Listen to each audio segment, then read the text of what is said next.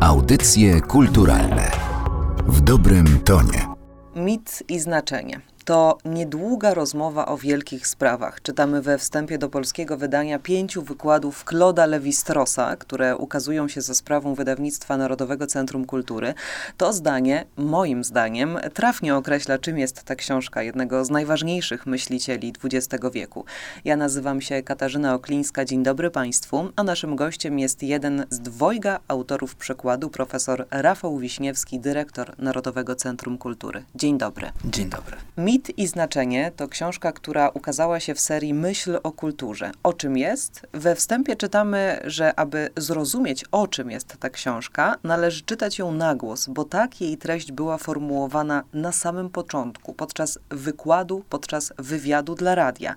Ale gdybyśmy mieli zaryzykować i określić, czym jest to wydawnictwo, to chyba opowieść o mitach i ich znaczeniach, a właściwie znaczeniu dla ludzkiego myślenia. Zgodzi się pan profesor ze mną? To chyba wielka poetyka, którą odnajduje się na tych kilkudziesięciu stronicach książki, bo książka objętościowo nie jest duża, ale przede wszystkim to, to jest cios, który jest zadany bezpośrednio w umysł ludzki, o którym pisał Claude Levi-Strauss to coś, co wychodzi po, poza ramy takiego, mówię, bliskiego często w Polsce dorobku antropologii, która jest związana z, z Bronisławem Malinowskim i z jego funkcjonalizmem, bo Levi-Strauss i lata 60. XX wieku, które są imamentną, bym powiedział, cechą owładnięte myślą Claude'a Levi-Straussa, ale nie tylko jego, bo trzeba tutaj niewielu innych dodać, one, bym powiedział, są takimi słowami rzuconymi, jakby trochę czasami mam takie poczucie odniechcenia, które autor, jak w wykładach noblowskich, które zawsze chętnie słucham, odnoszę wrażenie, że to takie jest proste, jasne i e, oczywiste i, i zawsze zastanawiam się, a dlaczego ja tego nie wymyśliłem? I, I, kiedy e, siedzę i próbuję zgłębić e, chemię organiczną, okazuje się, że to jest naprawdę bardzo skomplikowane i mało co z tego rozumiem i jestem takim naprawdę małym w tym wszystkim. I tak jest chyba u Kloda Lewi-Straussa który zachęca nas. On zabiera nas w swoistą podróż, którą tak e, ganił podróżników i tak był ich niechętny, a, a sam e, przecież e, cały czas szukał tych źródeł. Podróż i ten bezpośredni kontakt tworzyła tą bardzo skomplikowaną mozaikę, która tworzy się w ludzkich umysłach. Claude Levi-Strauss, czy Sztoros, tak jak e, pan powiedział, to jest kolejny, kolejny punkt do naszej rozmowy. Wiem, że miałby pan na ten temat też coś do powiedzenia. Myślę, że, że najlepiej byłoby spytać autora, tak jak, jest e, kilku wielkich, którzy prezentują dokładnie, jak powinno brzmieć te, te nazwisko, że rzeczywiście w, w myśleniu no, jest, jest, to, jest to Francuz, więc pani odpowiedź jest dla nas swoistą wskazówką. Natomiast ja akcentuję to, co w tej książce właśnie wybrzmiało. To znaczy to, o czym autor mówił, mówił, posługiwał się językiem angielskim i posługiwał się w, w, czasie, w którym nie przebywał właśnie w jego ukochanej Francji, która te tak wiele dobrych rzeczy sprawiła, ale również tak wiele wyzwań i gigantycznych po prostu trudności, o którym choćby w Smutku Tropików czytamy. Więc to jest taka dla mnie zagwostka, bo już dzisiaj na to pytanie nie mogę sobie odpowiedzieć, ale to trochę tak bym powiedział zaczepnie dla tych, którzy kochają taką kwintesencję czystego języka, właśnie mit i opowieść, którą snuje w radiu, bym powiedział, ona zachęca do stawiania bardziej pytań niż na nie odpowiedzi. Claude Levi-Strauss, czy też Strauss, jest więc pytany o magiczność, nie bez przyczyny. Myśliciel uważa, że zatracamy zdolność widzenia, skupiając się na różnicach zamiast na podobieństwach, a także, że jako człowieczeństwo ludzie w ogóle sztucznie oddzieliliśmy naukę od doświadczenia. Gdzieś w okolicach XVII-XVIII wieku to się według Strosa stało, uważając, że smaki, zapachy, dotyk są czymś gorszym niż naukowe postrzeganie rzeczywistości.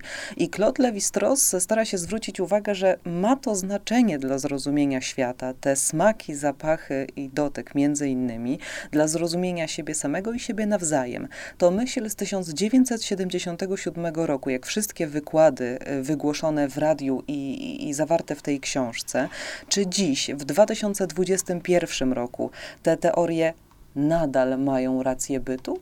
Trzeba sięgnąć do innego tomu, w którym formułuje, że występuje swoisty paradoks neolityczny, czytając w myśli nieoswojonej, w której na, w pierwszym rozdziale koncentruje się, że ta wiedza nie, nie szła linearnie, że, że coś takiego się dzieje. No, my z tą rewolucją neolityczną, która rozpoczęła się kilkanaście tysięcy lat temu jako swoisty skutek ludzkiego działania w stosunku do środowiska naturalnego, czyli cofanie się lodowca i później no, rewolucja jest rozumiana jako taka błyskawiczna zmiana. Natomiast właśnie ta rewolucja neolityczna to proces, który trwał kilka tysięcy lat i człowiek nabierał swoistych nowych umiejętności.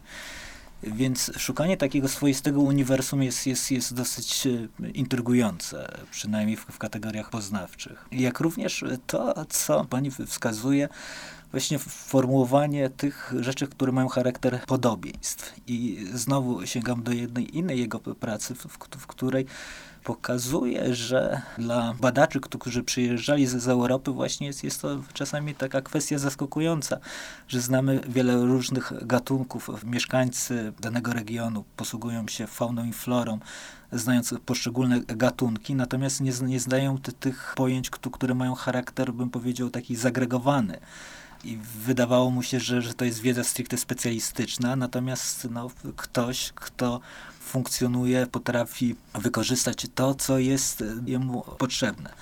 Zresztą ten sam akcent autora, który bardziej szuka tych relacji w teorii kultury, zarzucając właśnie Malinowskiemu zbyt biologiczne i psychologiczne podejście swoich rozważaniach, to jest takie nieustanna, bym powiedział, próba intelektualna, którą autor nam dostarcza. To czytanie na głos. Świetne jest stwierdzenie amerykańskiej badaczki, która jak, jako redaktor tomu wskazuje, że warto czytać e, chyba wszystkie prace autora, bo to nie są te takie, które te słowa gdzieś nikną. One po prostu bardziej silnie rezonują. To jest myślę, że, że ważne u tego francuskiego badacza, który jednak stworzył swoiste podwaliny tak silne, które ten rezonans choćby dzisiaj, spotykając się w studiu Narodowego Centrum Kultury, przypominamy tą ważną pracę.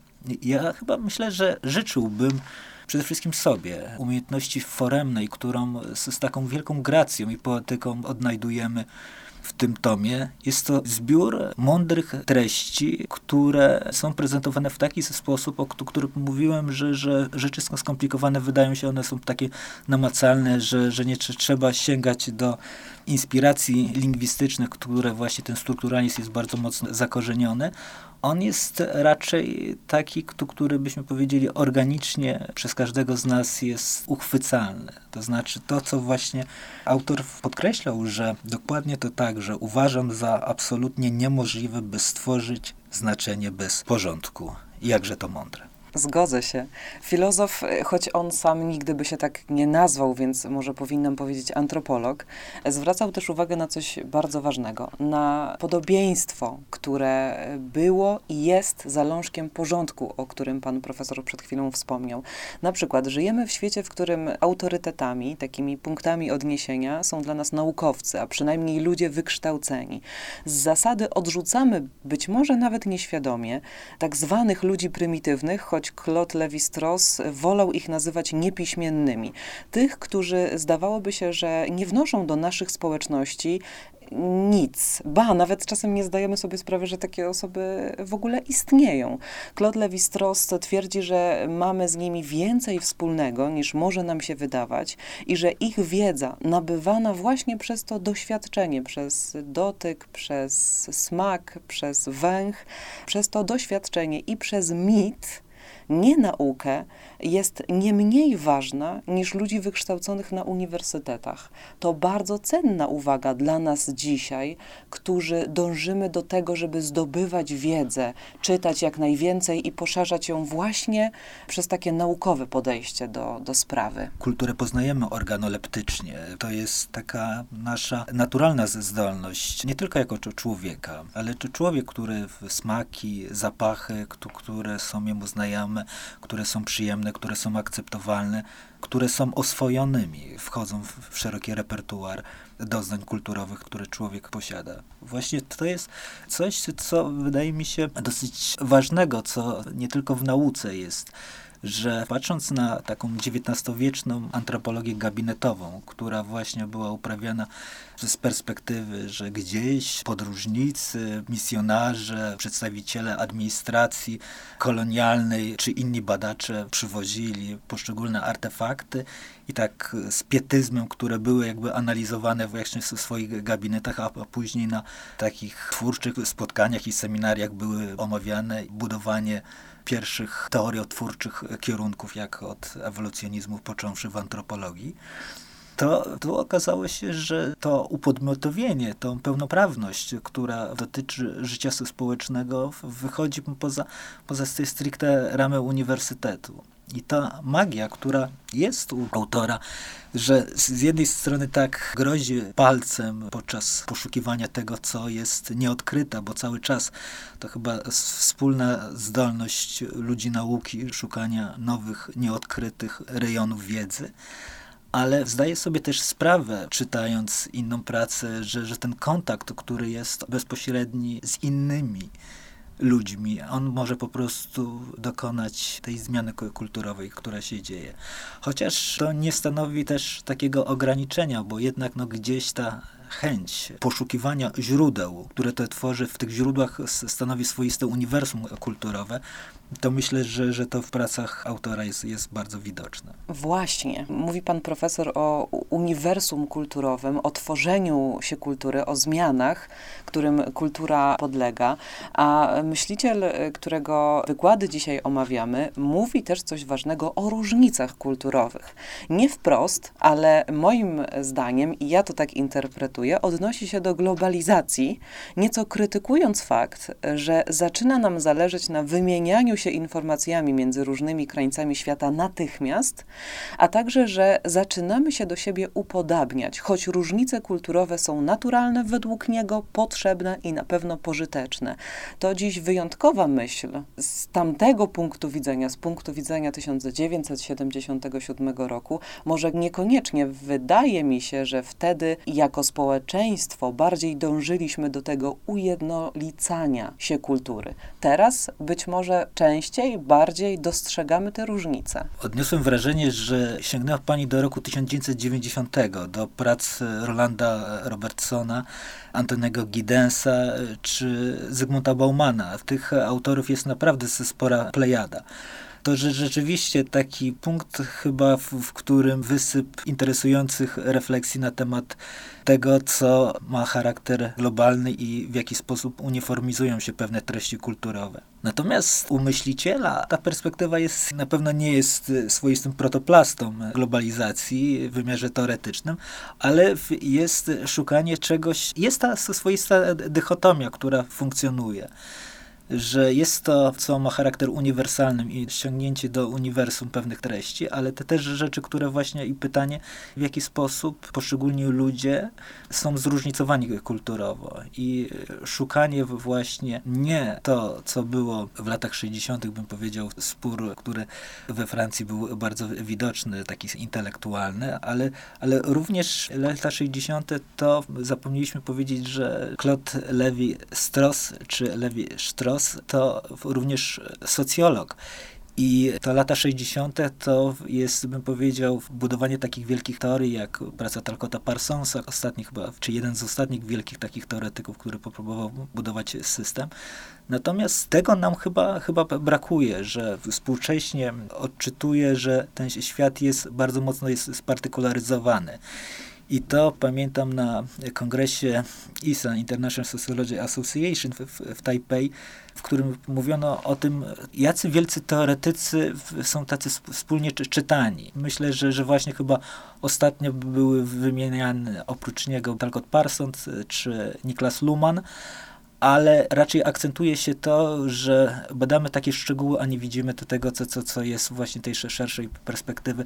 Trochę taki efekt y, skupienia, który zaburza nam swoisty obraz, że koncentrujemy się na pewnym wyimku, natomiast nie widzimy większej całości, a myślę, że, że autor zachęca nas do szukania tych ukrytych znaczeń w szerszych kontekstach. Na koniec mit. Doszliśmy w końcu do niego. Claude Levi-Strauss pokazuje, że myślenie mityczne, które jest nieco magiczne, ma uzasadnienie i odwołuje się do rozumu, wbrew pozorom. To znaczy, że mityczne historie można wyjaśnić w naukowy sposób, dlatego powinniśmy im bardziej ufać. Słowem, warto zaufać swoim własnym instynktom i nie wierzyć ślepo nauce, która jest owszem ważna, mówi Claude Levi-Strauss, ale nie, być może, nie najważniejsza. Myśli pan profesor, że umiemy myśleć mitycznie, nie pokładając dzisiaj całej nadziei w nauce? Jak miał to skonfrontować z internetem, to zaczynam nad tym się głęboko za, za, zastanawiać. Myślę, że, że to jest ta swoista myśl niedokończona. Bardzo dziękuję za tą zwięzłą i jakże treściwą odpowiedź. Naszym gościem był dzisiaj profesor Rafał Wiśniewski, dyrektor Narodowego Centrum Kultury, jeden z dwojga autorów przekładu mitu i znaczenia Kloda Lewi-Strosa. Bardzo dziękuję za to spotkanie. Przyjemność, dziękuję. Audycje kulturalne w dobrym tonie.